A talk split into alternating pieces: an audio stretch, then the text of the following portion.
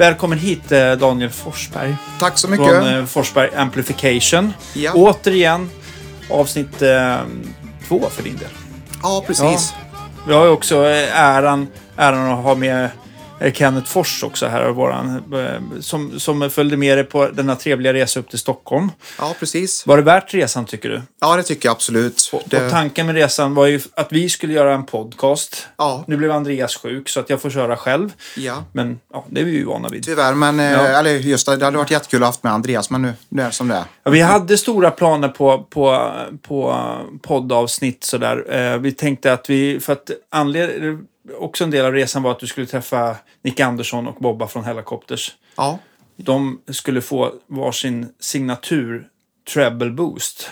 Ja, som du hade precis. döpt till trouble booster, lite fyndigt. ja, Ja, och den är väl, vad jag förstår det som när du pratade om den igår, att den var liksom en variant på alltså den här gamla Dallas Rangemaster, eh, ja, treble boosten. ja, det började ju med att eh, när jag och Bobba hade snackat fram och tillbaka ett tag så början till alltihop var att jag skulle modda hans blonda baseman. Ja, okej. Eh, ja. och sen så ju mer vi började prata om ljud och ljudideal och sånt där så kom det fram då att både han och Nicke är väldiga fantaster utav, eller förtjusta i treble boosters då och provat ett, massa olika varianter och pedaler. Eh, så att eh, men någonstans ändå så verkar det som att i alla fall Bobbas favorit är Dallas Range Master då. Så, och då, började, då kom jag att tänka på, för jag designade den här som jag på skoj då kallar för Trouble Booster istället för Treble Booster. Så, och då kom jag på att jag hade ju det schemat sedan några år tillbaka. Så eh, då, blev, då fick jag inspiration när vi pratade om detta så blir man kreativ allt det här. Så jag, jag liksom tog fram det där gamla schemat och sen utvecklade det lite. Och jag ska inte säga, det är absolut ingen klon på en Dallas Range Master utan det är mer att eh, den eh, den grundar sig på den, men eh, jag har gjort varianter på den. Jo, jag, fattar. Precis som många high gain-stärkare liksom är en eh, JCM 800 på steroider så liksom, det är inte kloner men, men man gör sin egen touch på det. Precis. Så det var idén då. Och varken Bob eller Nicke vis, visste om att jag skulle bygga de här pedalerna. Utan det var ett, jag, jag blev kreativ, fick inspiration och sen ville jag överraska dem med det här. Och liksom Ja. som en rolig grej. Så det Ja. blev ju med, med deras logga, med molnet och blixten på det och lite sånt där. Då. Så att, eh, De lät ju svinbra tycker jag. Jag var ju, jag var ju med för att vi hade ju liksom lite förhoppning att vi kanske skulle gjort ett avsnitt på kapsylen igår när, där vi träffades inne på Kärvhusgatan i Stockholm. Ja. Eh, det blev inte riktigt så för att, eh, ja men du vet så här, man tänker att man ska få, man ska få tid till att rigga upp och börja sätta sig ner och prata men Mm. man blir ju så, när det låter bra så försvinner ju tiden och eh, man vill fortsätta att spela gitarr så att det blev aldrig riktigt läge. Men, så vi sitter här dagen efter istället i alla fall. Ja, ja, det blev får, ju till mycket något snack. avsnitt. Ja, precis. Ja, ja. Men det lät svinbra. Jag har aldrig varit någon så här tok... eh, Jag har aldrig, tror jag, ägt en egen treble booster. Ehm, jag förstår ju varför folk gillar det eller någon, eh, och så. Igår fick man ju verkligen en så här aha-upplevelse för när det verkligen man får köra en sån här gammal fin treble booster in i en gammal Vox AC30. Mm. Men även det konstigt nog i en Fender och treble booster, just den kombon kan man ju, tycker man ju så här, det här borde ju inte bli bra. Nej, Men precis. det blev bra. Ja, det blev jättebra för att ja. Fenderstärkare, de är ju... De har ju mycket diskant och de har väl ändå det magiska att de låter krispiga, diskantiga, strängiga fast det blir ju... En, en riktigt bra Fender låter ju aldrig spik i örat eller att det låter... Det kan vara någon typ av hård diskant men ändå inte någon jobbig diskant. Det är lite svårt att förklara men, Ja, det, men är de här bra exen. Ja. Och jag tyckte, även fast det, det är mycket diskant i basemanen, men treble boosten den, den på något sätt förädlade diskanten i den så att, och så att man fick mer sustain. Och den är ju, en treble booster är ju inte som en vanlig overdrive eller så, utan det är ju att den, den gör ju en viss en nisch kan man ju säga att den, i och med att den boostar i vissa frekvenser. Men precis, men den boostar ju, den boostar ju mer i övre frekvensbandet än, och, och nästan drar ner Skär istället. nästan, ja, i låga. Mm. Och det är väl att man vill, man vill, den bestämmer lite grann vilka frekvenser som ska dista i förstärkaren. Lite grann. Ja. Istället för att det liksom, att den lägger, att den lägger till massa topp så. Ehm, eller resultatet blir om, om stärkan börjar dista så, så, så blir det som att den rensar upp basen och eh, får de här extra snygga lead. Eller att det, ja. Att taj- till. tajtar till. Ja. Och jag vet ju, jag har hört om metalband som kör med treble boosters också för att tajta till en dual rectifier och sånt där också då. För att få riktigt snabba, snärtiga, attackrika komp. Just det. Ehm, så det är ju definitivt absolut nödvändigt, eller nödvändigt men väldigt användbart då. Och många skulle nog tycka liksom, ej vad vasst det här låter och när man sitter och spelar själv att det kanske inte låter så där varmt och fylligt som man... Oftast vill man ju ha mycket bas när man sitter och spelar själv för Ja, att det. det låter varmare och bättre. Men i ett bandsammanhang eller på en inspelning då behöver man inte de där låga frekvenserna från, Nej, det från gitarrstärkaren. Det bara stör. Och det var ju Ja. rätt roligt när, vi, när Nicke provade igår. Det var ju för första han gjorde på alla stärkarna. Han bred av all bas i princip. Ja, nollade den. Ja. För jag vill ändå ha lite bas kvar. Ja, men men vi- han, nej, det är för mycket. Liksom. Ja, precis. Det här går inte att använda. Nej. Mm. Och när han spelade så lät det ju liksom stort och fett ändå. Så att det var ju inte som att det lät tunt och spinkigt på något sätt. Utan man, man förstod hur han, eh, hur han filosoferade kring det. Ja, och det funkade ju även på, för att jag har gjort Just Bobbas Baseman är ju, då är det ju två olika Baseman-karaktärer, eller kan, kanaler. Det är det på originalen också, fast på den, på den är det ju ännu större skillnader då. I och med att kanal 1 har jag gjort om till en Tweed Baseman-kanal. Medan kanal 2 då har ju mycket kvar av brownface. Eh, Och visst var men- det så att det är lite grann hur ekun läggs i, i de två olika kretsarna? Mm. Ja. Så det är ju... Tweed Baseman är ju mer Marshall, om man äh, JTM 45 då. Ja, eller tvärtom är det väl egentligen. Att, Lite Men just att man är klon på Baseman. ja, precis. För Tweed- Baseman kom väl typ 58-59 där någonstans va? Ja, JTM 45 är ju en ren kopia på 59 Baseman då. Den Ja. 56A heter väl den modellen. Ja, och den, och den JTM 45, det kanske, vem vet det? Vilket år kom den? Eh, JTM 45 kom 62. Ja, just det. Mm. Och sen så gjordes den ju fram till 66. Just det. Eh, och det var ju med blocklogo och lite olika varianter på dem. Och är inte så att Bluesbreaken är också lite baserad på JTM 45? Eller, eller, Ja, eller och det, det är en den- JTM 45 med tremolo. är det. Okej, ja. Så den har ju ett rör extra då. Just det. Så det, um, annars är det en JTM 45 i... Och egentligen är inte, man, man, alltså JTM 45 så misstänker man att, att det är, nu vet jag inte jag exakt vad det ska vara i de gamla, om det satt 5881 eller EL34 eller 6L6, det har väl varit lite, Eh, som Blandat, jag fattar det för så använder de väl... Eh, eller var det nu ska se, KT77? 5881 använder ju Fender, men de var så dyra i, i England.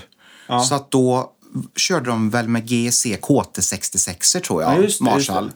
Och det, är väl, egent- det röret är väl egentligen närmare besläktat med 6L6 Ja, än vad EL34 är va? eh, ja absolut. Ja. EL34 är ju... Ja, det är ju mer en, ett europeiskt rör. Ja, Medan KT66 och 6R6 de är, är ju amerikanska rör egentligen i- Okej. i grund och botten. Då. Som jag fattat det för. Och sen 5881 är ju ytterligare en variant på 6L6 då. Ja, precis. Jag, jag vill minnas att jag har ändå provat KT, alltså köpt KT66 och nytillverkat och bara provat i, i stärkare som, som där det passar. Och jag tycker att de, det, det, de är ju 66 besläktade men de låter lite annorlunda. Jag har för mig att jag tyckte att de, de alltså hur de styr över. Ja, de låter crunchigare Ja, tycker precis, jag. eller hur? Ja. Och det är likadant med om man då tar, för det är ju olika 6L6-varianter, men sen om man tar olika EL34-varianter så finns det KT77 då. Det. Mm. Och de låter ju inte heller som vanliga EL34. Men snyggt tycker jag ändå. Ja. ja de borde nästan fått eh, större uppmärksamhet. Men jag Mm. tycker, jag vill minnas att jag, de, den gången jag provade KT77 så var väl ändå de mera, då tyckte man väl att de var lite närmare e, en vanlig EL34 än vad, alltså att 6L6 och KT66 var att det var lite större skillnad på dem va? Ja, jag tror det. Det- Jag har inte jämfört dem jättenoga. KT77 är inte så vanligt förekommande så det är inte så ofta jag stöter på dem. Nej. Jag har inte brytt mig om att köpa dem så mycket heller. Då. Jag, jag tror bara det var att, för jag något tror, gör enstaka väl inte. JJ någon, någon eh, KT77 va? Jo, de testade jag. Det, det jag upplevde var att de hade högre headroom än El, El34. Då. Så det Kanske var, kan vara kanske intressant för vissa som ändå vill ha, eller spela lite hö, hö, högre och högre renare. och renare. Mm, Mindre, mindre sjung. precis. Ja. Kanske. Får se. Ja, det är ju definitivt att det är... um, ja, mer headroom i alla fall då, om, om man inte vill ha... E34 låter ju mer överstyrt än 606 tycker jag. Eh, jag tänkte på just med den här, ba- för att återgå till Bobbas Basement, men han, då gjorde det i alla fall en, eh, den, det är ju en tvåkanals blond vad jag förstod det som och en tidig 60-talare som han hade. Var det en brownface eller blackface? Eh, en brownface. Ja, så just det var väl en eh, 61, eh, ja 61-62 årsmodell och övergång där. Jag tror att han, jag tror Bobba säger att det är en 62 så att det, är- det är nog precis en tidig 62 då. Och det som skiljer den också rent utseendemässigt eh, är väl att den har en presence-ratt va? Det har väl inte blackfacen?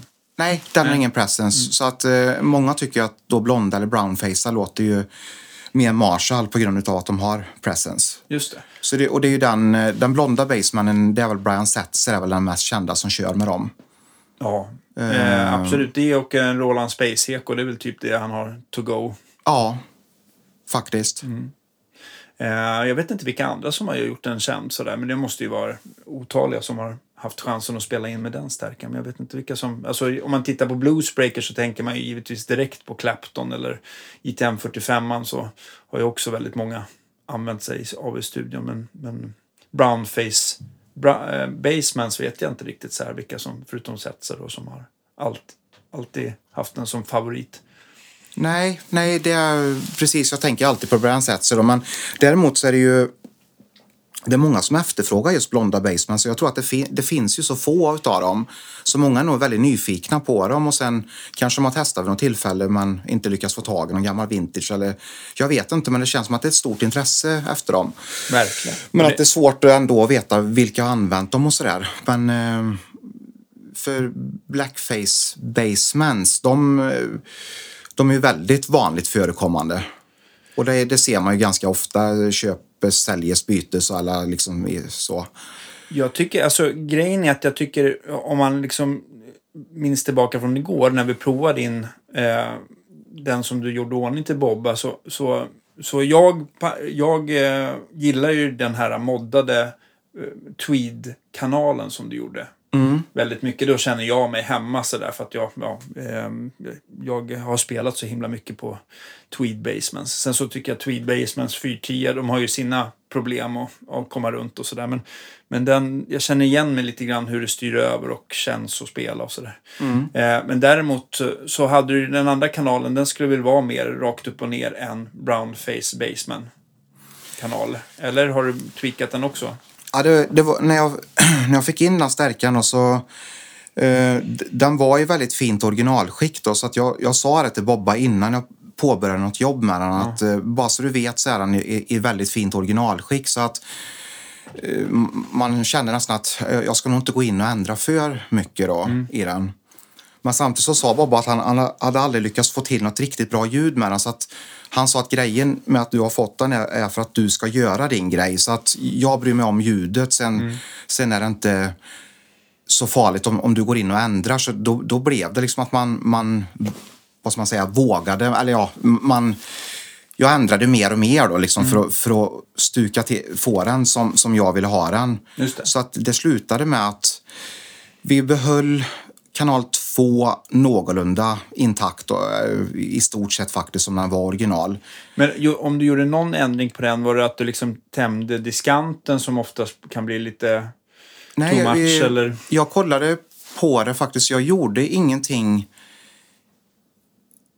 Nej, jag ändrade faktiskt inget på kanal 2. Utan det jag menar med att den blev lite påverkad är att eh, jag gjorde en slutstegsmod på den, vilket Ah. påverkar totalljudet, bägge kanalerna. Just det. Eh, Och sen gjorde jag även om den negativa feedbackloopen lite, det vill säga hur presence-kontrollen tar. Aha, så okej. det påverkar ju totalljudet. Men om man går in i själva den delen av preampen som kanal 2 är så gjorde jag inga ändringar på den.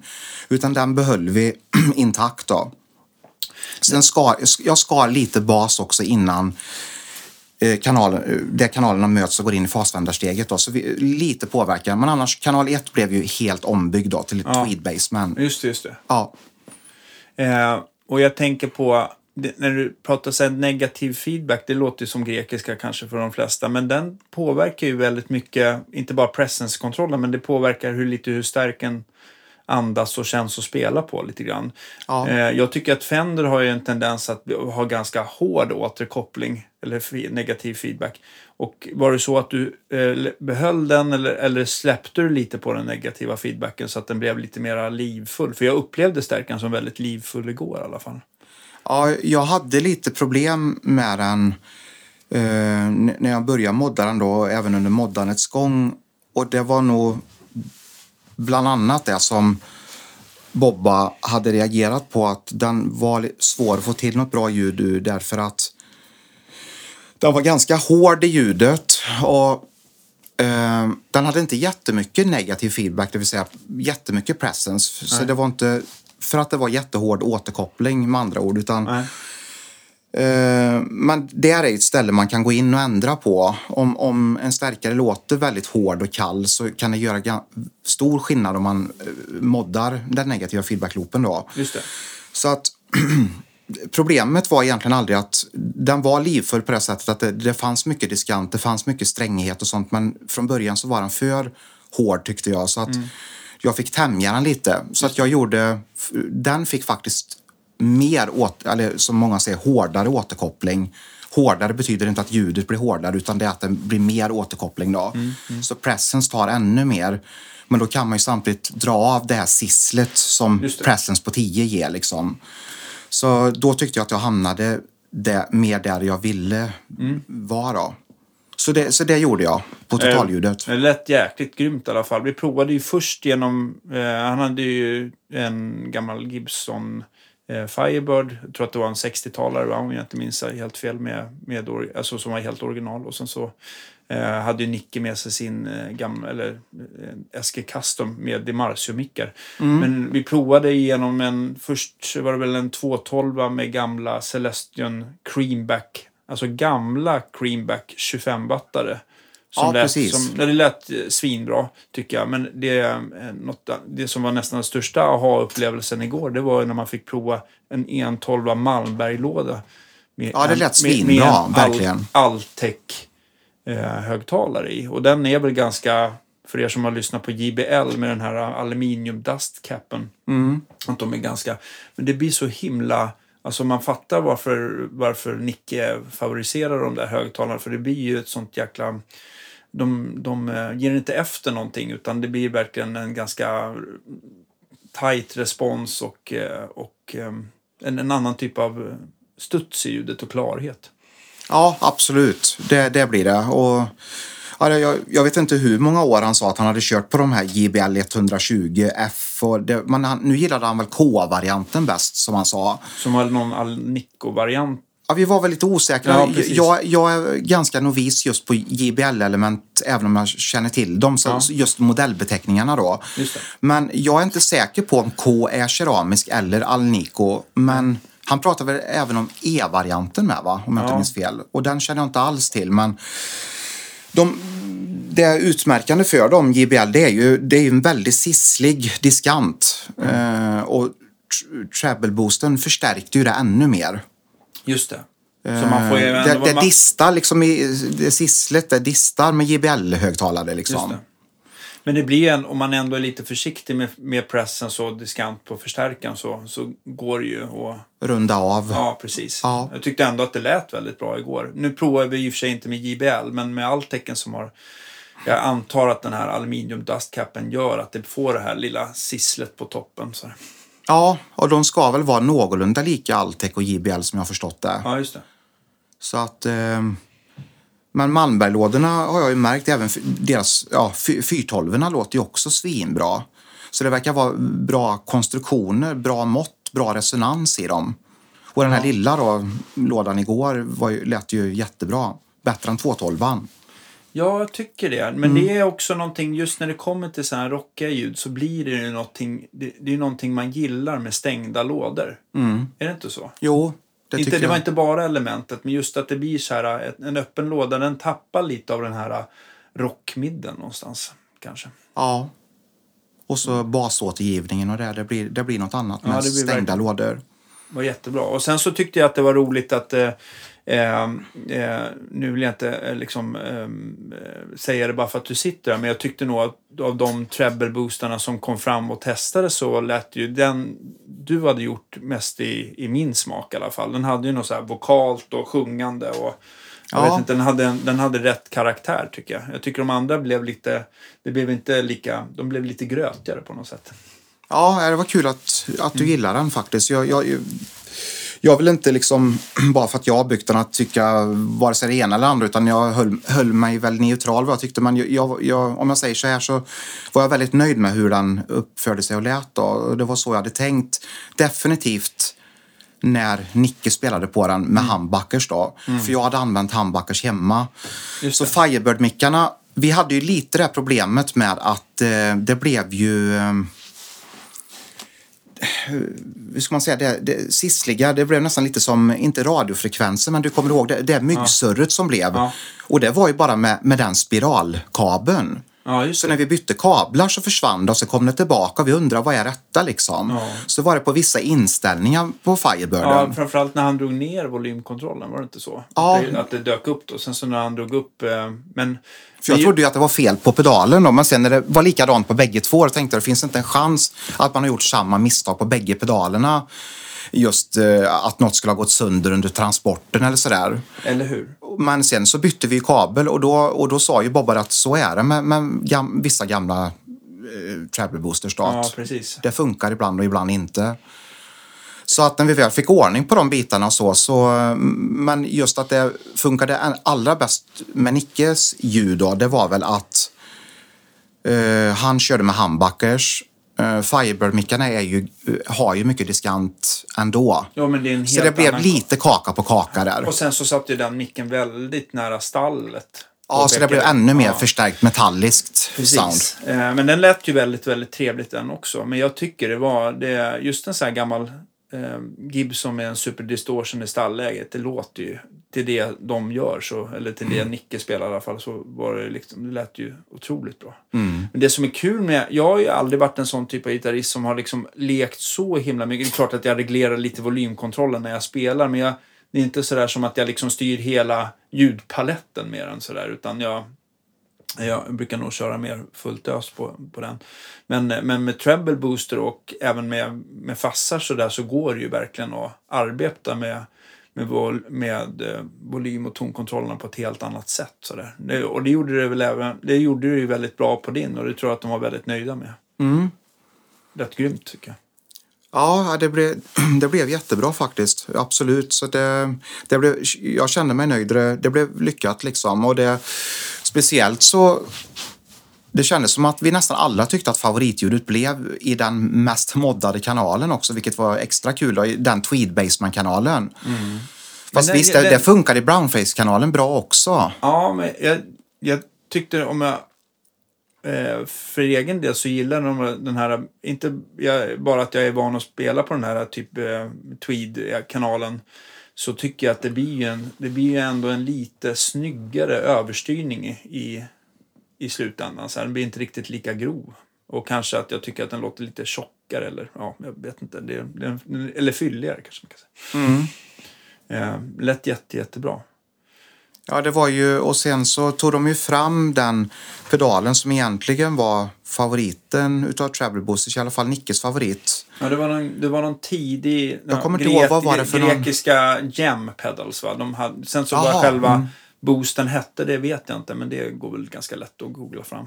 Ja, men den, den fungerade ju inte alls då. Eh, vare sig när Nicke körde igenom den, det brownface-kittet, den kombon han hade Nej, med sig, eller genom basement-toppen. Och då blev han ju jätteförvånad för det, ja, men det här var ju min favorit förra gången. Då tyckte han att det funkade mycket bättre med Trouble-boosten då. Ja, just det.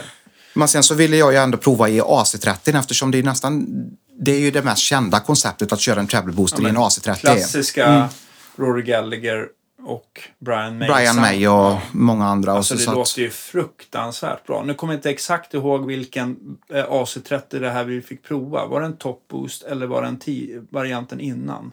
Eh, nej, det var en icke top boost. Nej, precis. Men det lät ju, alltså det lät ju galet bra.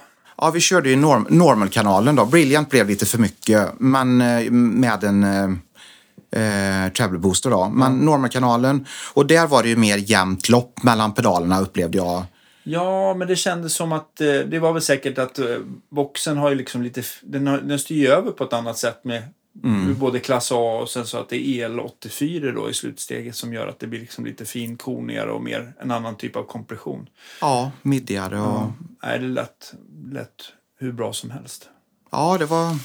Det blev lyckat, verkligen. Verkligen. De, de gillade ju eh, ja, de gillade ju pedalerna. De var väldigt glatt överraskade över ditt, eh, din design och allting. Ja, ja, det blev, ja, det var superkul faktiskt. Eh, Men är det så, varför treble booster är väl lite som, att, som en fast face, att det är ganska låg ingångsimpedans, så att det blir att den cleanar upp ganska snyggt med volymkontrollen. Är det det som är hemligheten mer än lite grann, eller? Och den är ju känslig också för olika gitarrmickar och sånt då. Så att eh, det är ja, väldigt känslig för vad man petar in för sign, signal i den då. Just att impedansen är så att det räcker att man rullar av lite grann så händer det mycket. Mm. Och jag har ju en sån mini-tuggle-switch då på den just därför att det, det påverkar ju ingångsimpedansen då, bias på, på den enda transistorn som sitter i då.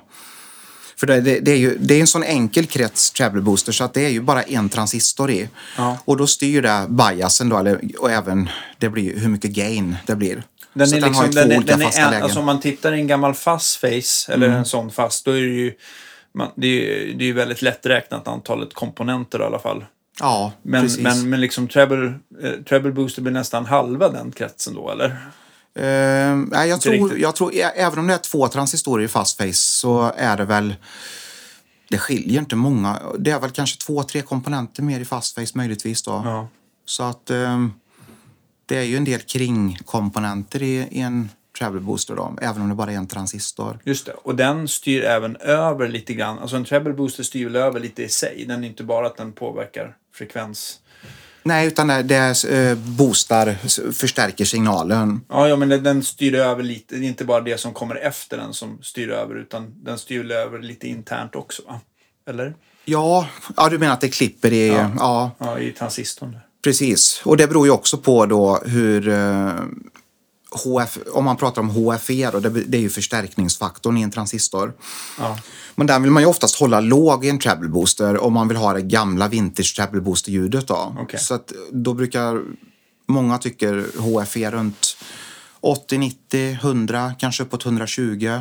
Ja. Och många gånger, många transistorer, de har ju en HFE, alltså en förstärkningsfaktor på 4, 5, 600 liksom. Okej, okej. Men Är jag- så- jag är var- Det, är det så i gamla fast face också, eller?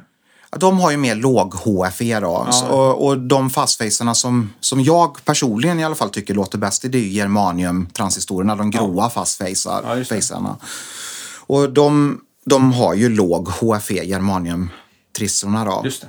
Sen när det blev silikon så blev det ju högre förstärkningsfaktor och låter mer fass och blir inte riktigt att det cleanar upp och lika snygg, snyggt liksom. Nej, och sen så blir det inte lika krämig överstyrning sådär. Den blir, eller kanske inte blir lika stökig, den blir lite tajtare sådär. Men jag tycker att lite av den här charmen med germanium, att den liksom, liksom nästan skiter ner sig lite grann, försvinner.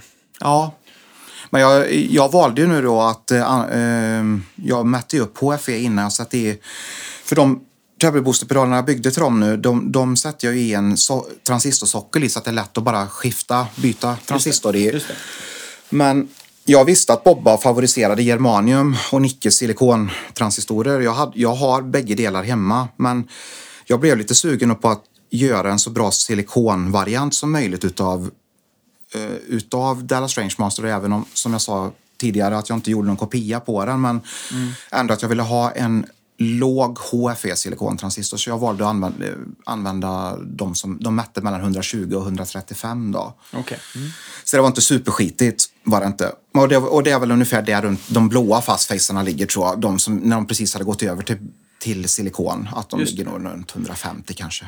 Men det som är fördelen med att använda silikon, det är att det inte spelar så stor roll hur varmt det är på scen eller, eller, Nej, att, man måste, inte- eller att man måste vara sin fast face i frysen innan gig.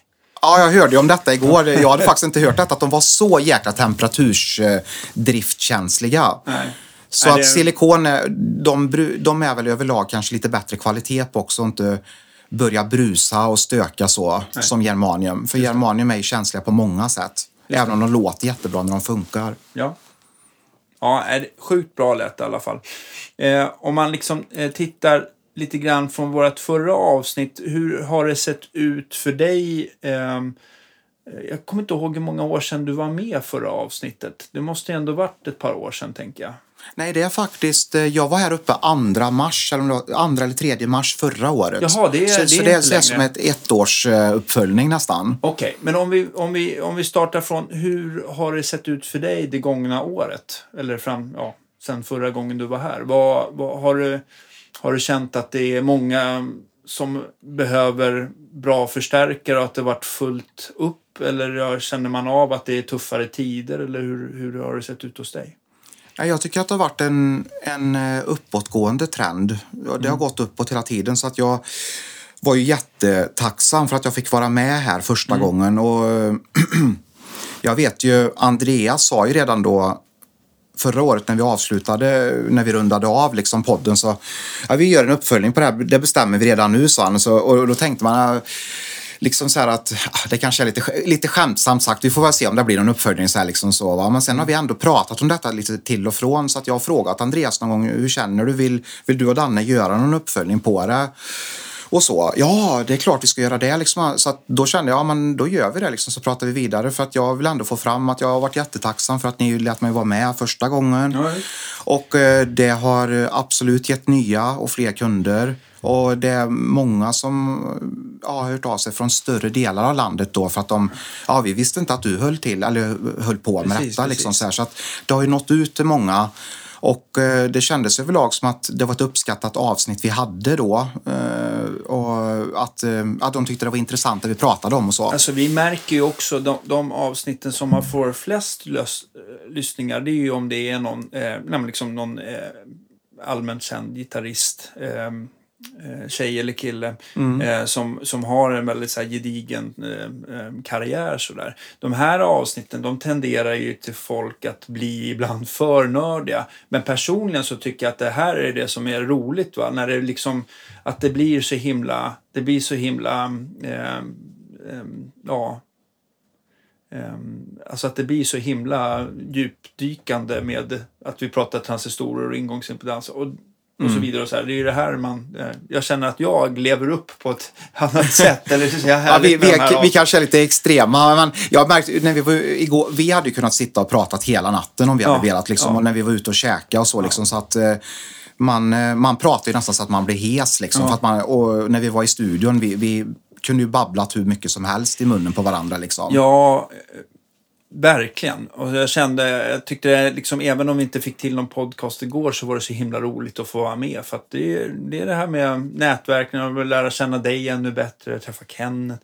Ja. Och, och Bobba och Nicke också som är supernice verkligen sådär. Och det är så himla roligt att se att, att, att det är liksom inte bara att de är duktiga på att liksom eh, att det är bra på scen och att de är väldigt eh, eh, heter det, eh, ja, men duktiga på att spela utan att de är så otroligt nördiga. Man trodde ju man själv var liksom, att man var själv eh, eh, nördig men sen så träffar man ju några som har liksom gått några steg längre. Ja, mm. Alltså det är så otroligt med, ja, eh, men och, och vilka fina så här förstärkarsamlingar och att de verkligen Och pedalsamlingarna och när, när, när Bobba började plocka upp sina eh, som, ja, som resväskor liksom. Med, Ja. Som Pelikan han, case. Erik på Backline-verket Ja, hade gjort i ordning. Så han var ju också kom förbi och det var jättekul med liksom, att Ja. man fick träffa honom. Och, men då när han började visa det, vet du, och det var ju innan jag hade demat mina grejer. Du vet, Man kände så här, åh herregud, liksom, prestationsångesten. Ja, just det. Just det. Gick ju igång där liksom. Och jag märkte när Bobba satt och testade, precis som du sa, att, eh, att vi är så nördiga allihop. Liksom jag, han lyssnar ju med väldigt exakta öron och sådär. Liksom. Man kände att, ja, vad ska han tycka? Så här, liksom, och, och så. Så att eh, det... Ja, det var... Det var eh, liksom, det, det, men det var ändå en sån typ av prestationsångest som ändå höjer ens eh, ribba. Ja. När man Alltså, vet det att man har eh, så noggranna personer att leva upp till också. Även, även om jag vill liksom eh, värdera alla lika mycket så blir det ändå någon typ av prestationsångest just när man vet att det är någon som är väldigt petig med ljudet och Ja, sånt. eller liksom, och har testat mycket grejer och så. Jag tyckte också att det är lärorikt, även om jag liksom har de där ljuden, det är ju ingenting som jag använder själv till vardags. Man blir ju oftast väldigt nördig på det som man, alltså det man har användning för. Och sådär. Och de, det är väldigt, jag tycker att man blir väldigt lärorikt just att man liksom får höra just när bra treble boosters sitter som en hand, så liksom som en ehm, ja, så himla bra i rätt, i rätt sammanhang och stärkare. Så att det blir otroligt jag tycker det blir otroligt givande och att man fortfarande lär sig någonting. Trots att man liksom håller på med det här äh, vecka ut och vecka in. Så.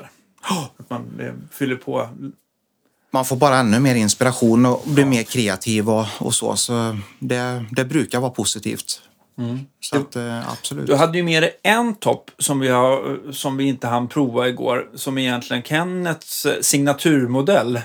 Och det här, den här toppen ehm, var väl egentligen, var det liksom det första bygget du någonsin gjorde? Eller var...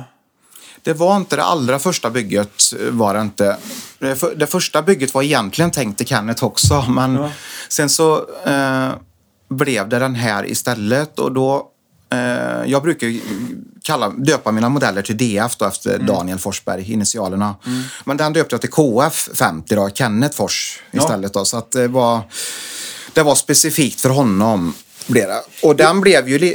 Jag funderade, räknade på det förut hur länge sedan det var jag byggde den då. Och jag, jag kom väl fram till att jag, jag skulle tro att det var runt 2010 då. Så det är 13 år sedan så jag har ju lärt mig enormt mycket. Det ser jag ju på bygget. Eh, Den, alltså, den är fullt funktionabel och så men jag ser ju att jag är, är ju noggrannare med layouter och sånt idag. Liksom att det ska se så estetiskt korrekt och bra ut. Men, men men den, den låter förbaskat bra. Och, eh, den har ju den har varit, varit en omtyckt förstärkare. Så att, eh, det var Kennets idé faktiskt att ta med den. Jag hade inte en tanke på det. Men sen så blev det att vi tog med den upp då när vi ändå åkte nu. Så att eh, det var synd vi inte hann med den igår då. Men vi hinner vi Men, testa den idag. men jag antar att KF50 som jag förstår låter bättre än alla DF50. Eller? Nej, jag. Nej, nej, nej, nej. Men, men den, den, eh, den har det där att den har en väldigt bred palett. Just att med gainen kan man styra att man kan gå från rent då till, till, till distat liksom. Eh, Tänker du på eh, att man styr från gitarren eller att man styr på stärken från, med gainen? Eh, På stärkaren då. just det. Ja, Ja, ja. Så man kan dra ner och så. så Vi, att, vi har ju riggat upp lite här för att kunna prova lite grann. Mm. Man blev ju otroligt glad när man det lilla man hann prova här innan när vi slä, kollat att allting funkar i alla fall. Så vi ska, vi ska prova lite grann. Ska vi se om vi kan slå igång den här. ja. Jag eh, eh, kopplar upp den på min, eh, eh, min eh, Olsson-låda här och det sitter ju två stycken Creamback eh, 65. 65 wattare. Ja, Ja. det, är det ett element som du gillar eller har du något så här eh, något, eh, något element som du favoriserar att arbeta kring? Ja, jag, jag är ju väldigt förtjust i mina G12 T75 som sitter i min JCM 800-låda. Ja, just det. Men annars så vad gäller T75 så är det ju väldigt spridda skurar hur, hur bra eller dåligt de låter. det är Verkligen, långt okej. ifrån alla som låter bra men just i den lådan eh, så är det sån här eh, T75 som låter som man tänker sig att gamla bra greenbacks låter nästan med, mod, eh, med den midden och det träiga. Så då, jag är svinnöjd med, med just den lådan då. Det är väldigt coolt för att jag tycker den, den uppfattning man får av en modern alltså med 75 wattare i det är ju att det finns väldigt mycket presence i dem. Att de blir nästan lite taggiga och, och elaka sådär. Men den här lådan måste ju vara otroligt inspelad i sådana fall. Ja, och så istället för att eh, det låter skopat som det gör med T75 så, så är de middiga. Så att det, det är något speciellt med dem, om det är den års, årgången eller vad det nu kan vara. Just det, just det. Men vi ska dra några ackord här. Jag tog med, jag har äntligen moddat eh, min TLL-gitarr. Eh, jag satte i en, eh, en, eh, jag hittade en gammal burstbacker, alltså en Gibson-mick. Fast jag hade kommit över gamla paffmagneter. Så här har jag provat den av en lite svagare paffmagnet. Intressant. Ja, det blir väldigt... Det blir väldigt...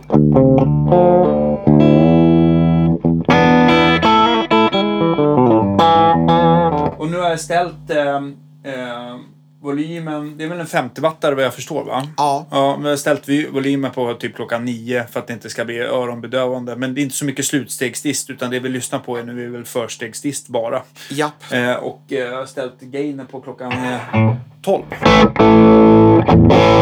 Och det är ett så här, man hör ju direkt att det är så här fast och fint. Eh, ja, bra rock-crunch-ljud.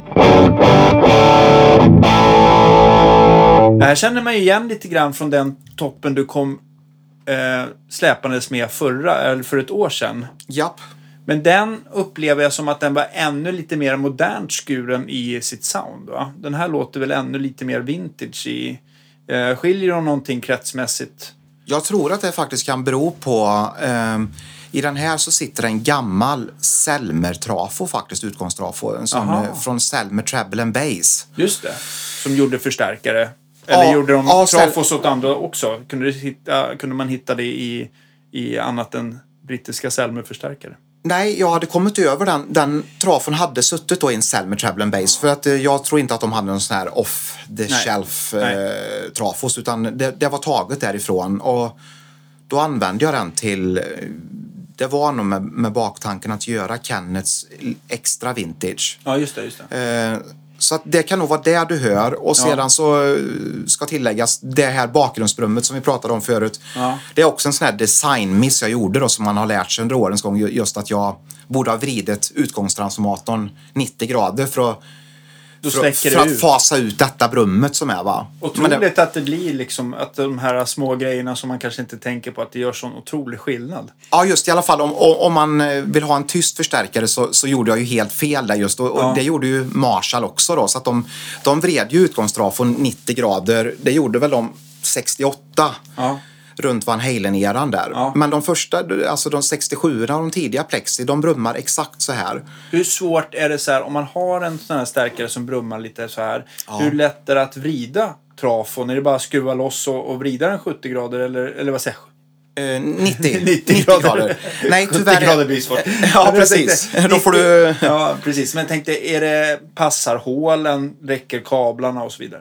Eh, nej, det är det som är kruxet. Eh, alltså kablarna är väl inte hela världen om, om man skulle behöva skarva och förlänga dem Nej. med krympslang och sånt. Men det värsta är att du, man måste borra fyra nya hål i eller tre nya hål i chassit. Då. man kan ju okej. använda ett befintligt men de andra stämmer inte. Nej, just. Just. Mm. Så därför så väljer ju folk som har plexi förstärkat, det får vara, som, det, får vara det brummet. Ja. För det hörs ju inte när man spelar. Nej, precis. Eh, så att, eh, men Skönt har att det varit reissues, säger vi. Om vi säger att de hade gjort reissues med det design, den designmissen så hade man ju definitivt kunnat åtgärda det och Eller- vrida trafon. Men det är bara för att det är ju, det är, den plockar ju upp då surr och brum från nättrafon. Ja. Så det är därför, det ska ju vara som en handbackermick, att de ska ju Just det. vara, f- fasa ut varandra då, brummet.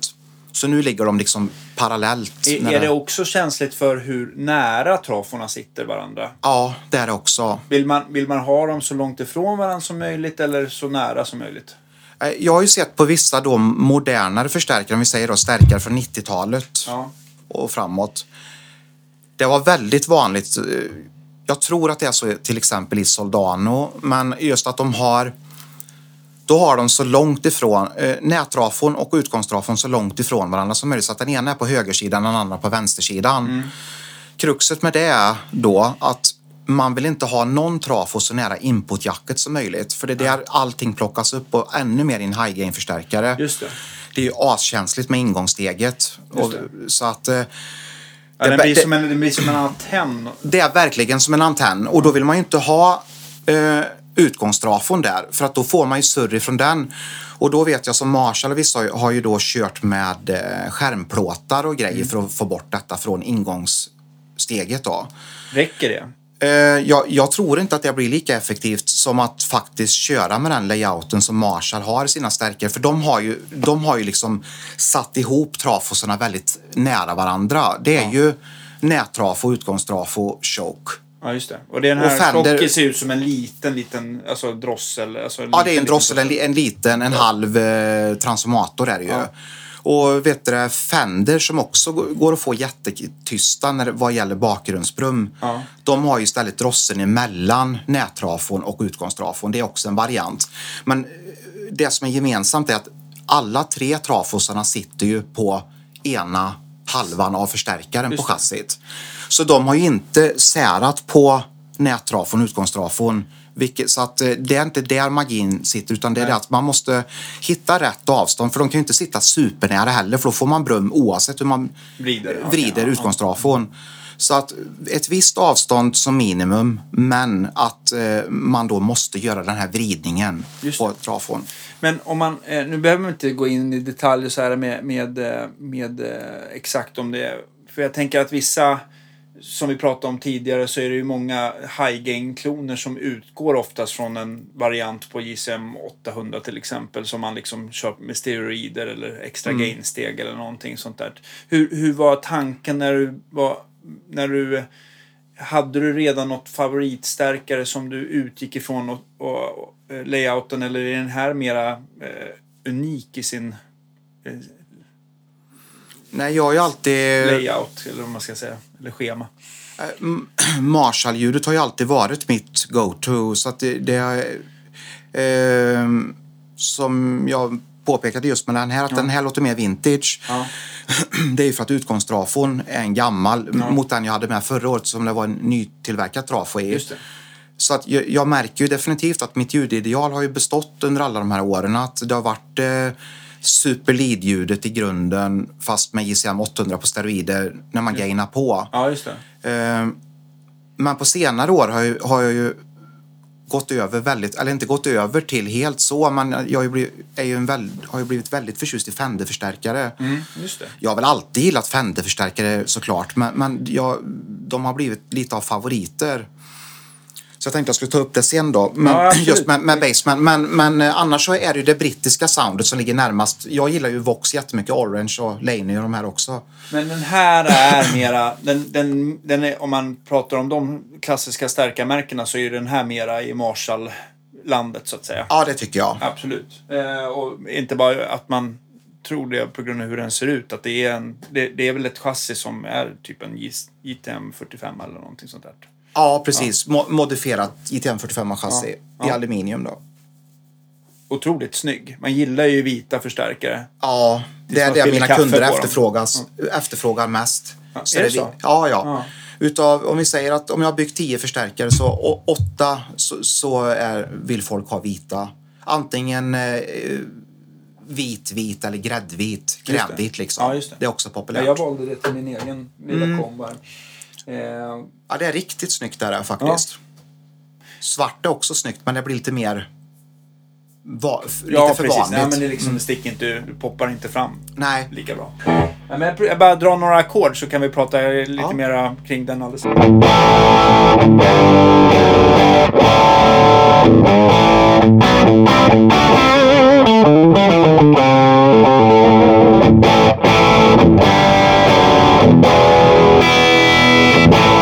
Ska prova på att gaina på den lite grann till då. Kommer ju bruset som ett brev på posten såklart.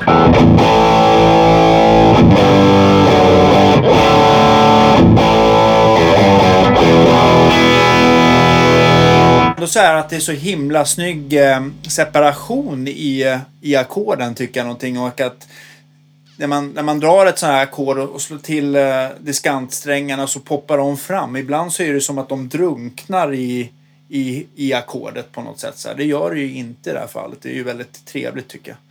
ja, jag gillar ju när det är mycket sträng i det. Ja, Och, men det där är väl det som är sträng. Re, ren overdrive, man ska Ja. säga. Jag, jag är ingen fast kille Nej, precis. alls, utan jag gillar ju overdrive. Ja. Nej, det låter, låter, låter väldigt grymt. Nu har jag ju dragit ner, ehm, kanske jag blev inspirerad från, från eh, Nicke igår att dra ner av basen väldigt mycket. Nu har jag, kanske ska poppa tillbaka den lite grann i alla fall. Ja, vi har, det finns ju även resonance på baksidan om du vill höja bas där också då. Och resonans på bak, alltså resonans är ju också en, det väl, har med ju återkopplingen att göra fast istället för att det som en presence sköter eller högre att det är ett högpassfilter blir det va? Och så är väl mer resonans tvärtom, att det sköter de lägre Ja, subfrekvenserna. den riktigt låga basen. Ja. Mm, så vill man ha mycket pump i lådan, att det flyttar luft, så är resonance väldigt populärt eller det är en uppskattad feature tycker jag. Just att Just man vill ha det. Eh, jag gillar ju, jag gillar ju nog ganska fylliga ljud själv sådär. Men det är väl sådär, det är, det är ju när allting ska mixas ihop och eh, hamna på skiva eller låta bra i sammanhanget så kanske man får tänka om lite grann. Men det är, jag gillar fylliga, feta sound. Ja, vill man ha mycket botten i ett gitarrljud så är det ju bättre att dra ner basen i preampen, alltså bass, att man Ja. drar ner den och så höjer upp det i slutsteget med resonance istället. Just det, just det. Då får man ju en renare och tajtare bas. Just det. Är det lite det är ju grann tips. så du... Ja, precis. Ja. Men det är inte alla som kan eh, ha möjlighet att justera resonans. Eh, är det en lätt mod att göra i en förstärkare med, med återkoppling? Ja, det är det. Och det är en universalmod som går att göra på vilken stärkare som helst egentligen. Även, även typ så här Vox AC30 och sånt. Ja, ja, om, om, man, om man då skulle förstöra en AC30 alltså ta, och, och lägga till en negativ feedback loop, för den saknar ju en negativ Ja, det. feedback Ja, loop. precis. och det är mycket det som gör Vox AC30-ljudet då. Så jag var väl lite ironisk nu när jag säger att man förstör den, men skulle, Ja. skulle man sätta dit en presence och en resonance som jag inte då tycker hör hemma i en AC30, men det är fullt möjligt, Ja, det, absolut. just Det är det. Ja, ja. Eh, men jag, eh, ja, jag tar några ackord till i alla fall på den. Så det är otroligt... Eh, man, blir, man vill ju spela mer va? Ja, Ja.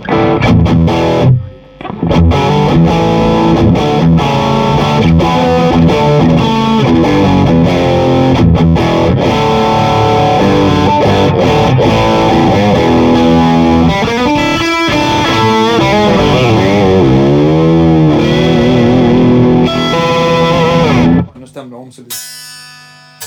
mycket brown, brown sound. Eller hur? Jag tycker den låter helt, helt fantastiskt måste jag säga. Grattis. Tack. Eh, Jag vet inte vem man, eh, vem man ska säga grattis till. Jag får säga För en grattis till Rickard- Kenneth. Kenneth som Ja. äger det. Men DF, jag antar att om man beställer en DF50 så är det det här man får. Eller har den, har den här eh, ett annan karaktär jämfört med de du bygger idag? Har du dragit åt något håll? Den, den, eh, alltså KF50, det är ju det är en förstärkare som har levt kvar i mig så just att eh, det, jag tycker att den är väldigt väljudande och så. Så att jag var faktiskt inne på länge att jag skulle då lött bort den utgångstrafon och så bett... Eh, jag, jag vet att jag mejlade med Mercury Magnetics om, om de hade kunnat göra en klon på den utgångstrafon. Då, för det verkar lite som att den är en one of a kind. eh, ja, Att okej. den låter så bra liksom. så att jag pratade med dem lite fram och tillbaka men det skulle bli väldigt kostsamt och sen så känns det lite som att när den här låter så bra och det är inte ens min egen förstärkare längre så kan jag inte bara löda ur den och låta dem... För lindar de av eh, trafon, det, det blir ju ett sånt stort ingrepp så att Ja. jag vet inte om de väljer att ef- efter att ha lindat av den att kassera eh, en del av materialet och så då att det blir de nya och det är inte någon garanti att de låter li- exakt likadant. Men däremot så skulle jag, det skulle vara kul om man kunde göra någon typ av, spe, av spektrumanalys eller något sånt där på eh, var den trafon boostar vissa frekvenser kanske. Så där. Så Nu samarbetar vi ju mycket med Modulus Amplification i Skottland. Då. Och de har börjat linda trafos själva så det vore ju absolut kul för det tror jag säkert att Mike skulle vilja ta sig an ett sånt projekt då Just och försöka göra trafos till mig. Eh, så är det ju skönt för Mercury ligger väl någonstans, det är väl amerikanskt. Ja, i Ja, USA då, så det, blir dyrt på många sätt. Och de har ju också, de har ju också blivit så, jag började prata med John här om Mercury, att det, det har ju nästan blivit löjligt dyrt. Så att det var ju dyrt redan innan prisjusteringarna, men nu har det verkar som att de har gå, gå bananas. Ja, faktiskt. Det skulle bli väldigt dyrt. Och det är klart att kan man... Om vi säger då att Mike skulle kunna göra precis lika bra utgångstrafos så um, skulle jag tycka att det var absolut kul, ännu roligare att supporta honom med, med det här också. Vi pratade liksom lite i början här om olika rörtyper och sånt där. Skulle du säga liksom att just den här skillnaden mellan olika trafos nästan gör större skillnad än olika rörtyper? I, alltså om det är KT66 kontra 6 eller 6 eller... Eller hur stor skillnaden är? Är det de sista procenten vi pratar om eller är det liksom... Eller, eller, eller gör trafon större Eh, skillnad än du tror? Den gör ju definitivt större skillnad än eh, rörbyte. Ja. Eh, Det, det gör den ju. Den, Ja. alltså, egentligen så tycker jag och, och många andra som jag pratat med att utgångstrafon är den enskilda komponenten som gör störst, störst skillnad för ljudet. Då. För det är det sista, det är slutfiltret. Ja, Allt ljud går genom den innan det går ut till högtalaren eller högtalarna. just det. Så den gör ju jättestor skillnad. Men det går ju, som jag pratat om, det pratade vi om i förra avsnittet, att man kan, man kan ju tweaka utgångstrafon och det går ju även att kompensera för hur en trafo låter i fasvändarsteget och framförallt i den negativa feedbackloopen. Så det har jag lagt ner jättemycket tid på och jobbat mycket med att att få en negativ feedbackloop att låta optimalt. Och det finns inget optimalt för varje stärkare, tycker inte jag. Utan man får, ska man vara riktigt petig med den negativa feedbackloopen så får man lyssna sig in på varje enskild förstärkare. Så jag har ju byggt labbkort med det så att jag snabbt kan A och B-testa med krokodilklämmor. Okej, men eh, kan, skulle man kunna lägga det på potentiometer på stärken till exempel? Att kunna variera det? Ja, det går ju faktiskt eh, att göra. Eh, och det är klart att man gör ju det delvis då med en resonans. Det, det är ju ett, eh, det är ju en port då, som, men det är ju tillsammans med det filtret man väljer då, kondensatorn. Ja, ja Och det, och det är ju samma där, att ändrar du på presence-resistorn då, om man nu kan kalla den det. Eh, ändrar du på den så bör du även ändra på kondingen på resonansfiltret. Det. Så att allt påverkar varandra i och med att det, det ligger ju i serie. Så det där är ju, det, det, det är ganska komplext Ja, faktiskt. det. även om det bara är Och två, tre har- komponenter. Och att du har, eh, du har, ändrat, du har ägnat mer än ett par timmar till det. Verkligen. och, och, men, det, men det gör verkligen så mycket. Det, det kan få en kall och hård förstärkare att låta varmt och bra. Ja. Och det kan även förstöra till viss del en förstärkare som låter bra till att låta kallt. Så det är superviktigt. Eh, Jag har faktiskt gjort lite så, eller på, jag ville ha det på den toppen. Man ser inte de kontrollerna på framsidan, men jag har just både eh, återkoppling och resonans eh, bak. Och det gör faktiskt, de påverkar varandra precis som du säger och att det, är- ja, Okej, ja. det går att lira in det där, men steglöst då på potentiometer. Det tycker jag det är ganska kul beroende, för det kan ju vara lite så här, resonans kan ju vara väldigt trevligt om man framförallt jackar mellan olika högtalare. Mm, absolut. Olika nästan- lådor. Ja, men, det- men verkligen. Det, det gör sån otrolig skillnad. Det kan ju låta så otroligt bumligt i många 412 och sen så tycker man att aha, nu försvann all botten i den här öppna lådan eller någonting sånt där. Mm. Så att det, det är skönt att kunna variera det i alla fall.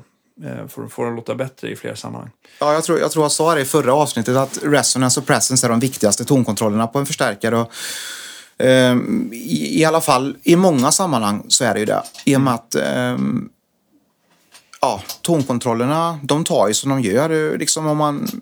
ehm, om man bygger dem på klassiskt Marshall-sätt eller så. Men Just det. men just som eh, ja, med resonance och presence, att det, att det är så petigt. Då. Men det var ju spännande att höra att, att du hade det på din signatur Olsson-förstärkare. Jaha, då. precis. Alltså den här, ingen aning den här om. toppen vet jag inte riktigt om den kommer komma till någon större produktion för att det blir liksom, det, det, ja, det blir, det blir dyrt. Men, men eh, ja, den finns att testa om man vill. Ja. Om man, så, den är ju också eh, i Marshalllandet. Eh, men jag tänkte på, när, hur har det sett ut också sista året? Har det varit mycket just beställningar av till exempel DF eh, 50 och DF 100 eller vilka modeller är det som har liksom efterfrågats mest hos dig nu? Eh, det bruk... När jag bygger så har det väl... Nej, det har faktiskt varit väldigt blandat måste jag säga. Det har inte bara varit att det skulle vara DF-modellerna utan det har faktiskt varit ibland att kunder ber mig bygga ihop kit. Eh, och det har... Nu senast så byggde jag ihop en, eh, ett brownface-kit. Ehm, Så det var ju en sån tweed, eller eh, brownface deluxe. En, en, det är ju en fortsättning på tweed deluxen. Just just det. Så det var en sån och sen så ibland, nu ska, så ska jag bygga två stycken som jag kommer kalla för dual beamen istället för, jag kan ju inte kalla dem för dual baseman det, då. det var- ja. I och med att det är ju, Det är det är, det är, det Fenders Ja. eh, förmodligen, eh, pat, ja det är deras patentnamn liksom, baseman. Så jag kan inte kalla den dual baseman. Men, känns ju onödigt att eh, komma i clinch med dem ändå. Ja, precis. Nej, men så att, då tänkte jag det. Ja, men dual beamen blir bra för att jag fick, jag fick en sån idé om att jag, jag kommer bygga kanal 1 som en blond baseman då, Ja. eftersom den efterfrågas ofta och det inte finns så många av dem och sen så blir det en blackface för att jag har märkt en väldigt stor efterfrågan på just basement-toppar. Bara för att de är så rak på sak, basic. Det är ju bara tre rattar per kanal. Ja. Volym, diskant, bas och sen så styr gitarristerna resten med pedaler då. Och det är så bra, en sån bra plattform som funkar till jättemycket. Kommer du behålla presence-ratten? Uh, ja, det, det, är ju, det, det där har jag funderat på hur jag ska göra då, i och med att på den blonda då, ska, ska det vara korrekt så är det ju presence. Men inte på blackface. Ja. Och, eh, så att frontpanelen kommer bli clean, alltså på det sättet att det kommer vara tre rattar för den blonda, tre rattar för den svarta eh, blackface-kanalen. Men däremot så har jag inte bestämt mig om jag ska sätta en presence eller till och med då faktiskt en switchbar presence på baksidan Just det. så kan man ju välja det där själv då, att om man vill ha presence på både blond och blackface eller om man vill koppla ur den eller ha blackface-återkopplingen som är väldigt hård återkoppling. Ah, De är ju så rena blackfacearna. Just det.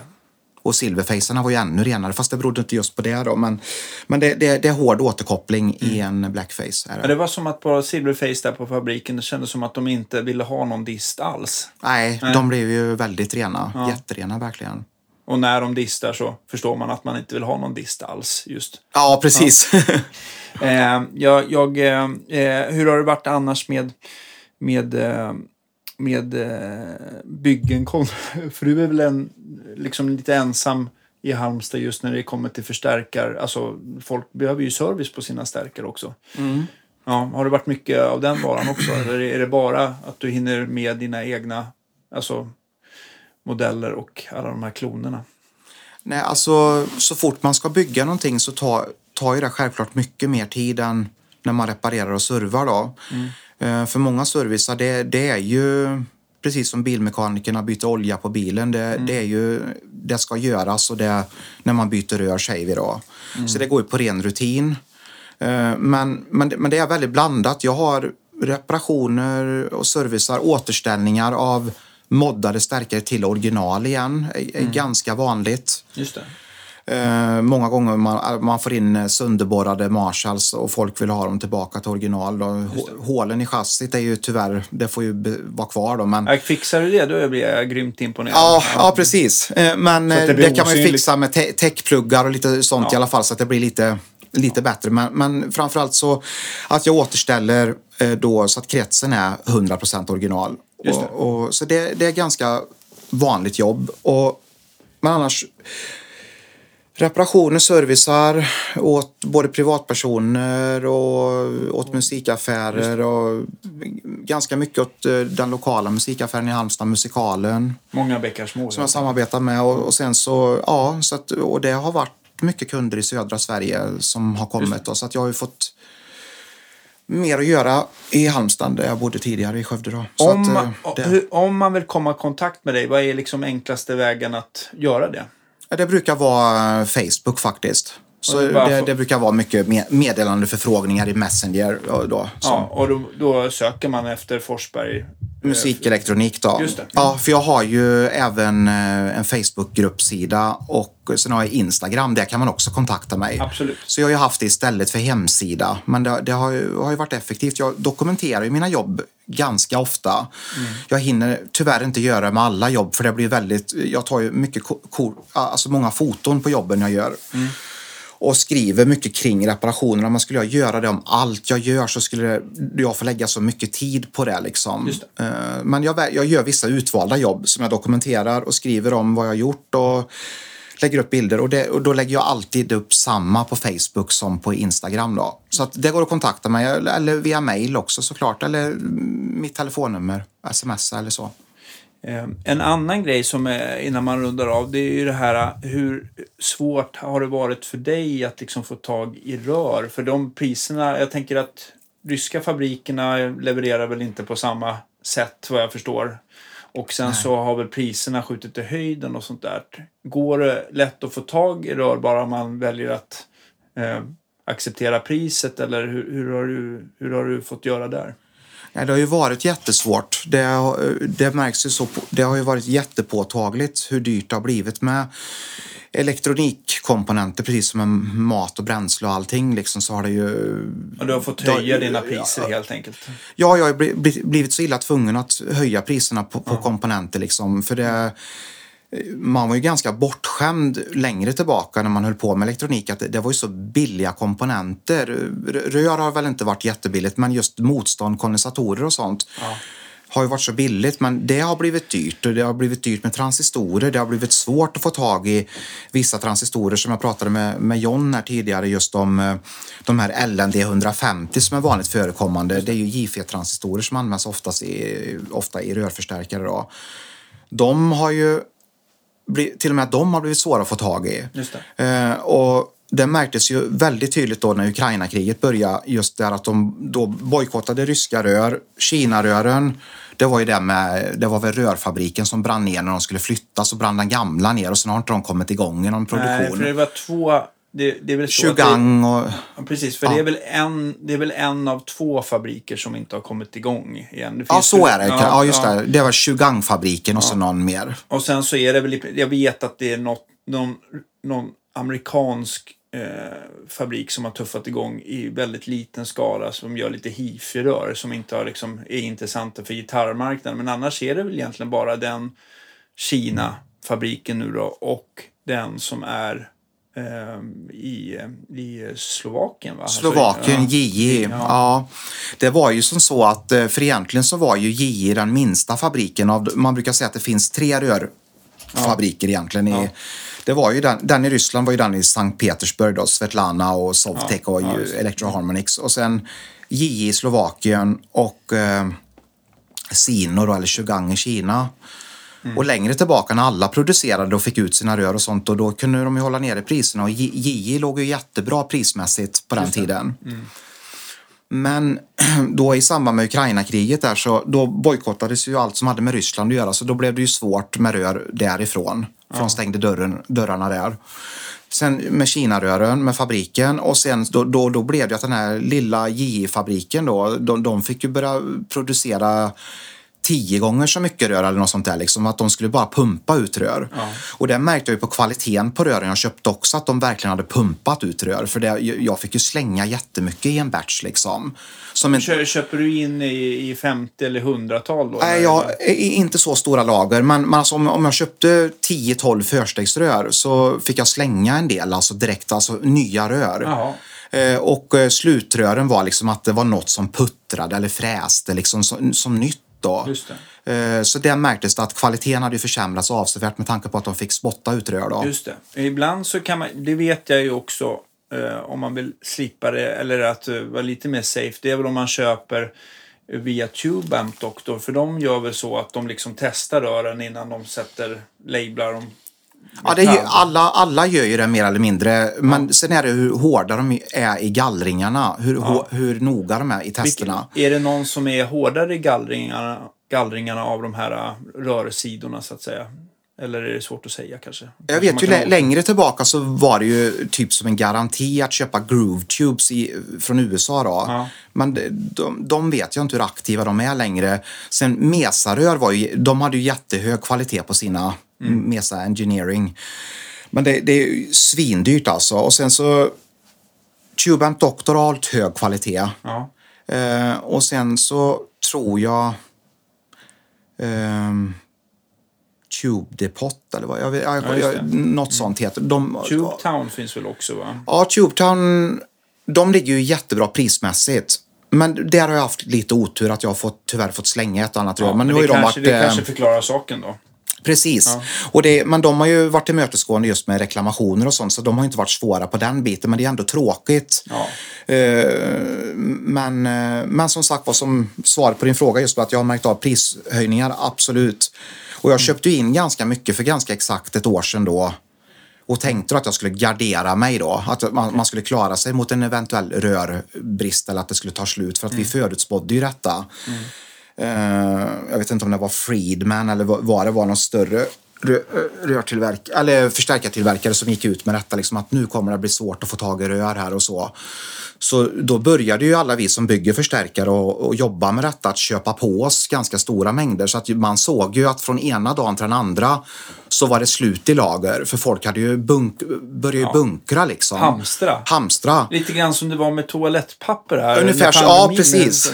Då hade jag, alltså, jag vet inte, folk måste ju inte, de kan ju inte ha fått slut på sina lager än, tänker jag. Nej. Nej. Nej, nej, men precis. Så, nej, man, det, det var Val, j- jättetydligt. val efter val Ja. fyllde de sina bilar. Ja. Nej, det var jätteskillnad bara från februari till mars. Där. Jag, det, det var någon gång i, i februari tror jag som kriget började. Så det, det, var, det var sån enorm skillnad. Bara det gick på några dagar bara till att det var slut överallt och priserna gick upp svinmycket. Då. Så Ja. det, det har varit tufft. Så vi, man har fått liksom, jag, eh, jag sa det till mina kunder tidigare så det har ju alltid varit att i, i en 100 watts topp säger vi då fyra slutrör. Om ett rör är, har blivit dåligt och, och ja, skjuter säkringar eller vad det nu må vara, blir dåligt så har man, liksom slä, då har man slängt alla fyra rören och satt i en ny kvartett. Ja. Det har, ju varit, så att det har ju alltid varit så att är man blir ett slutrör dåligt så då byter du allihop. Men har, man har fått gå ifrån det tänket tycker jag för att det, man får använda de, återanvända de som är bra fortfarande och egentligen så är det inget fel med det tänket heller. Så det har ju mer och mer blivit att man byter det röret som är dåligt så att man får spara. Så att, om man tänker ur den synvinkeln så är det positivt då. Men eh, det tar ju längre tid för att då ska man ju sitta och gallra. Bland, funkar det här matchningsmässigt med de andra? Så man får matcha ihop det då. Och då är det klart att då krävs det ju lite mer kunskap bakom det att faktiskt kunna hitta matchade par eller Just kvartetter. det, just det. För köper man en färdigmatchad kvartett, ja då, är det bara, då kan man, har man en biasmaster så är det ju bara att sätta i dem och ställa bias. Jag tänker också så här, kvartett kan ju vara liksom lite eh, svårare att göra så här. Men jag vet ju att vissa, att, eh, gamla Fender till exempel, det är inte bara att det finns en biasport utan det finns även en slags balansport mellan rören så här för att om man får omatchade, att man kan matcha dem. Den ser man ju inte så ofta, men att man kan ma- matcha det lite den vägen också. Ja, Är det, bästa, någonting- det bästa vore ju att ha en kombo då. Att man har både för att ställa strömmen Och och, eh, eller den negativa Ja. biasspänningen då, och eh, balansera. Fendi gjorde ju en, eh, det där var ju som man, ska man säga, de började ju med den här hambalance då. eh, Alltså att de matchade in rörparen mot varandra eller Mm, rörsidorna mot varandra.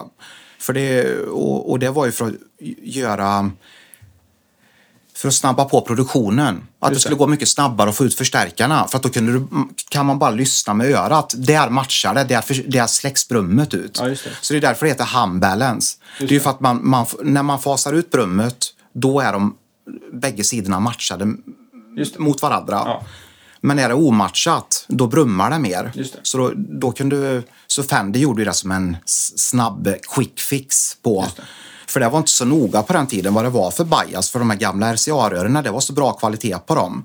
Ja, så att om de höll- drog de 40 höll ändå. milliampere eller 50 eller 30, det spelar liksom inte så stor roll. För man ställer ju biasen på rören för att de ska låta bra. För blir det för låg bias så, så blir den här övergångsdistorsionen ganska ful. Ja, Även om du kanske får, faktiskt, eh, om man ställer dem lite kallt så kan man ju få mer headroom i förstärkaren. Japp. Men däremot om den, är, biasen är för hög så är det att de brinner, brinner slut snabbare kanske eller tappar, tappar effekt och börjar dista mer. Liksom. Ja, tu- tube life eller liksom, Ja. ja. Ja, livslängden, livslängden minskar ju ju mer ström som går igenom dem. Då. Men de som inte bryr sig så mycket om eh, om de behöver byta rör ofta utan bara ute efter soundet och vill ha ett riktigt vintage sound. Ja, de vill ju ofta ställa så varmt som möjligt då, så att de går över sina spesar kanske till och med. Just det. Som eh, Angus Young, ja, han har ju, det går ju, hans rör går ju jättevarmt liksom.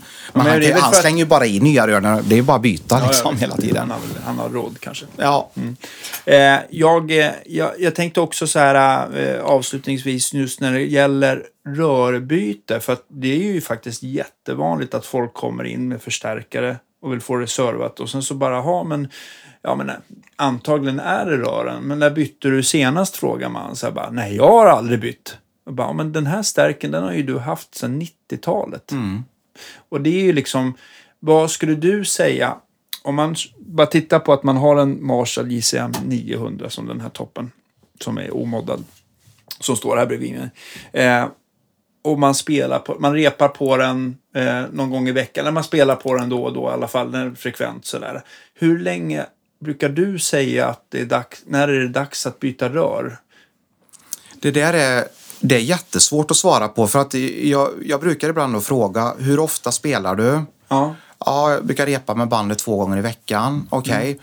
Eh, spelar du starkt då eller? Nja, det är väl inte så starkt. Eller det, är väl liksom i nivå med trummisen då. ja men det, alltså, det får man ju anse som starkt ändå. Ja, precis. Men, men då är det är ändå vad en person tycker är starkt tycker någon annan kanske är moderat volym eller jättehögt eller vad man nu säger. Men, men just att jag försöker väl kanske ta reda på att spelar du det är, ju, det är klart att det är skillnad om man spelar en gång i månaden eller repar fyra gånger i veckan. Ja. Men sen så beror det ju då på vilka rör man har köpt och, och kvaliteten på rören. För det är ju framförallt kvaliteten på rören som skiljer åt snarare än ljudet. Ja, just. Just det. Eh, och eh, det, det, det är så många parametrar alltså som, som spelar in. Så jag kan nog, det bästa rådet jag kan ge att när förstärkaren börjar låta trött, den tappar botten, den tappar vo- volym eller kanske åker upp och ner i volym. Ja. Då kan det definitivt vara läge att eh, ställa en diagnos på utgångs, eh, eh, slutstegsrören. För det är oftast de som, som tar slut fortast. Ja, förstegsrören de, de kan ju gå jättelänge. Och i en high gain-stärkare så är väl oftast ingångsrör som behöver bytas oftare för att det blir mikrofoniskt. Ja, precis. Det Men det, men det ju- surrar ju och går liksom. Ja, precis. Men det kan man ju lätt prova om man bara har någon blyertspenna och bara knacka lite försiktigt på, på, Ja. på rören. Om det är, om man, man hör ju att det liksom... Piper eller tjuter. Ja, precis. Rundar.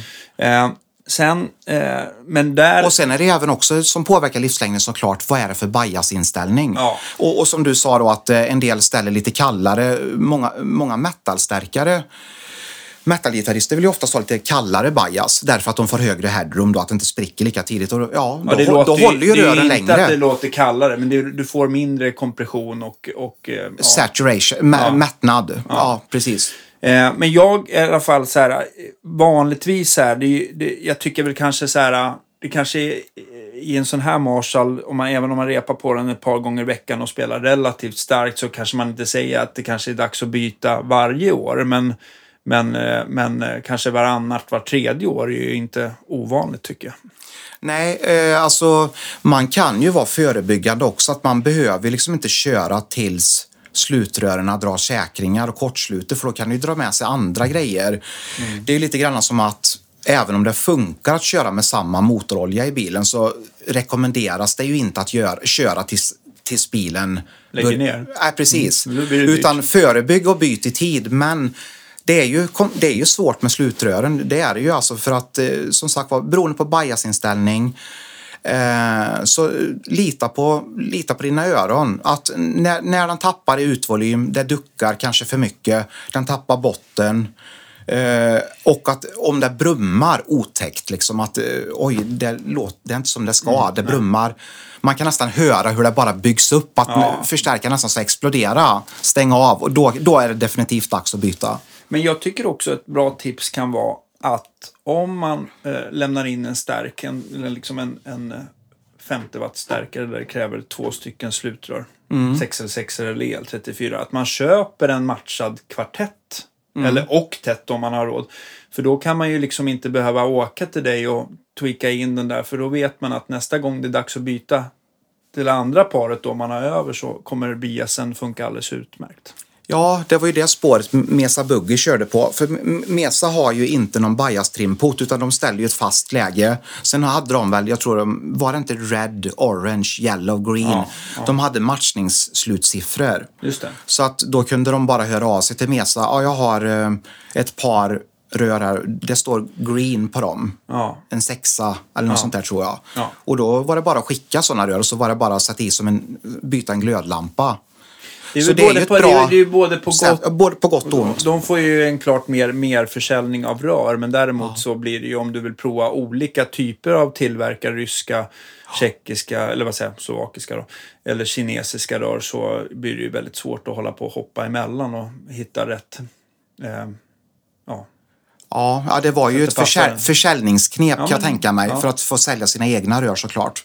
Ja. Men det går ju att göra som med vilken rörtillverkare som helst. Alltså, om jag ställer biasen åt en kund då, eh, och sen så gör jag som en egen slutsiffra då på, på, ex, på just det rörfabrikatet. Vi säger att jag köper in JI som inte, eller JI som är matchade säger vi av CubeAmp Doktor och så eh, mäter jag upp, rören drar 30 mA och så vet du, sätter jag slutsiffra 10 på dem.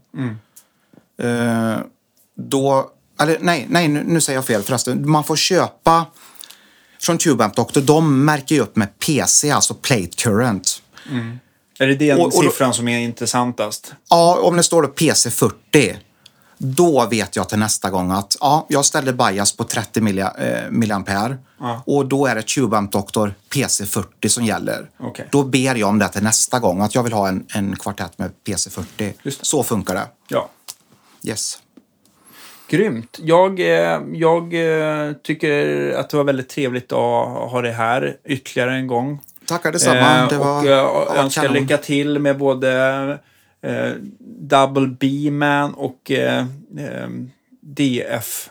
Det kanske är så att det är bara KF-modellerna som kommer sälja nu framöver. men nu kommer, ja, precis. Ja. Nej, men, Det är Kennets fel. ja, Nej, nej men det, det, det, det känns jättekul i alla fall. Det har, som jag sa, det har varit en upp, uppåtgående trend så att, eh, med mm, moddar och reparationer och byggen. Så det, kanske inte blir, det kanske blir så att du aldrig får bygga en förstärkare igen. Att alla kommer skrika efter trouble boosters. Trouble boosters eller ja, vi får väl se. Såklart så vill jag att eh, all, alla modeller ska bli populära men vi får, Ja, ja. vi Så får får väl du se. klona dig själv istället. Ja, precis. Det är bra. Eller Ja. sätta Kenneth i arbetet, det är bra. Kenneth får vara med och bygga. Ja, det är bra. Stort tack! Och Tack eh, jag vill tacka er lyssnare där ute för att ni eh, supportar med eh, Patreon och Swish och eh, köper muggar och kaffe och hoodies som fortfarande finns kvar. Så hörs vi nästa torsdag. Ni får ha det så bra. Hej då!